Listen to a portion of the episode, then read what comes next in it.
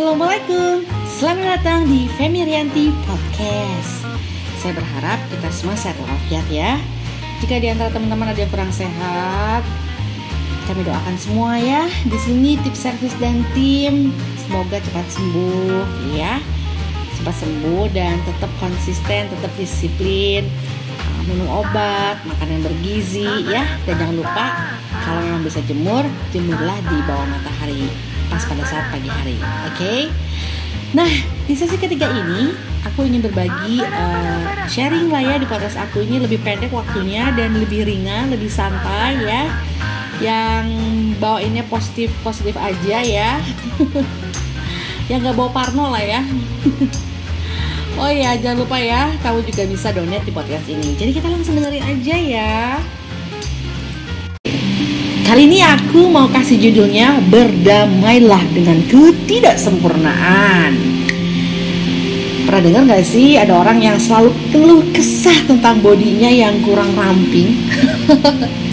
Aduh hanya satu jerawat aja udah ribet banget gitu ya. Harus ini harus itu harus ini ya. Atau kena kotor sedikit mejanya tuh gak mau ya di, di, Dilapin gitu berulang kali dengan uh, tisu gitu ya Teman-teman, saya belum pernah ketemu dengan orang yang perfeksionis yang hidupnya tuh adem ayem. Ada aja yang ini belum, yang itu belum. Aduh yang ini susah, aduh yang ini belum, ini harus ini harus ini harus seperti itu ya. Nah katanya, kata orang nih ya, jika ingin kita sempurna sekaligus ingin mencapai ketenangan batin, itu adalah dua hal yang bertentangan. Artinya gini, orang yang perfeksionis banget, benar-benar selalu ingin sempurna kan, tapi sering kali batinnya nggak tenang. Misalnya, kita udah berusaha nih susah payah mencapai sesuatu dengan segala cara ya. Tapi yang ada bukannya puas dan bersyukur atas apa yang sudah kita capai, sudah kita miliki, tapi masih terpaku aja dengan kekurangan. Wah, masih belum bagus nih. Wah, masih belum ini lah ini. Ya, ini masih wah kita harus seperti ini nih. Ya, sangat ambisius untuk mencapai hal-hal itu dan selalu juga masih ada hasrat kuat untuk mendapat, mendapatkan yang lebih lebih lebih. Kayaknya tuh kalau belum perfect dan bagus banget tuh kayaknya tuh ya kayaknya tuh dia tuh mempunyai uh, semacam psikologis sendiri gitu loh. Kayaknya aduh gue kalah nih dalam pertemuan eh, apa pertempuran nih. Gue kalah perang nih gak bisa nih. Gue harus bagus bagus bagus. Ya tentunya hal ini bisa terjadi ya Entah hubungan dengan diri kita sendiri juga teman-teman ya misalnya lemari pakaian yang berantakan. Gak betah tuh ngeliat satu uh, lipetan pakaian yang keluar dari jalur tuh gak betah gitu ya.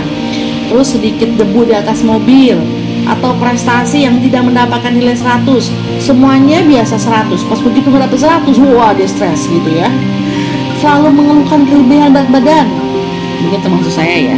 Tapi sekarang saya udah nggak gitu penampilan fisik tingkah laku, gaya hidup dan sebagainya. Dia selalu pengen perfect, 100%.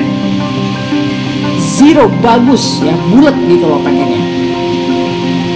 Nah intinya orang-orang ini ya biasanya yang dia sering ucapkan itu saya harus, saya harus ya setiap saat bersikap dan pikirannya selalu meributkan ketidaksempurnaan Tentunya hal ini bisa menjadikan pribadi manusia yang baik hati dan lemah lembut teman-teman. Ya. Hati-hati teman-teman, memikirkan segalanya harus beres, apalagi di waktu yang bersamaan. Harus rapi, harus bersih, harus keren, nilai harus 100, harus di atas segalanya akan membuat hidup ini bagaikan kejar-kejaran. Bangun pagi sampai menjelang tidur akan terasa checklist ribuan yang belum dikerjakan hidup tuh resah karena belum belum belum checklist tuh belum dan dan dan dan seperti belum selesai belum selesai. Jika teman-teman bertahun-tahun melakukan seperti ini akan berdampak buruk loh pada teman-teman sendiri. Benar deh. Lalu pertanyaannya apakah kita harus malas-malasan?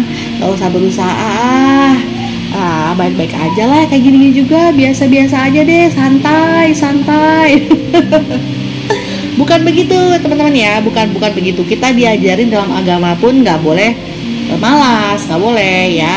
Nah berarti bukan berarti yang saya jelaskan itu kita tidak perlu lagi berusaha sebaik-baiknya.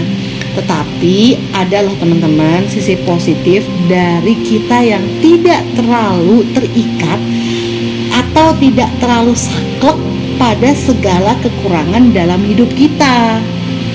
Kita menyadari realitas bahwa kita berhak menikmati apa yang sudah ada dan kita harus menghargai apa yang sudah kita capai atau apa yang sudah kita punya. Jadi pada intinya tuh kita harus bersyukur, berterima kasih dengan apa yang telah kita capai saat ini dan tetap berusaha lebih baik tanpa meributkan ketidaksempurnaan. Terima kasih teman-teman telah mendengarkan. Semoga bermanfaat. Wassalamualaikum warahmatullahi wabarakatuh.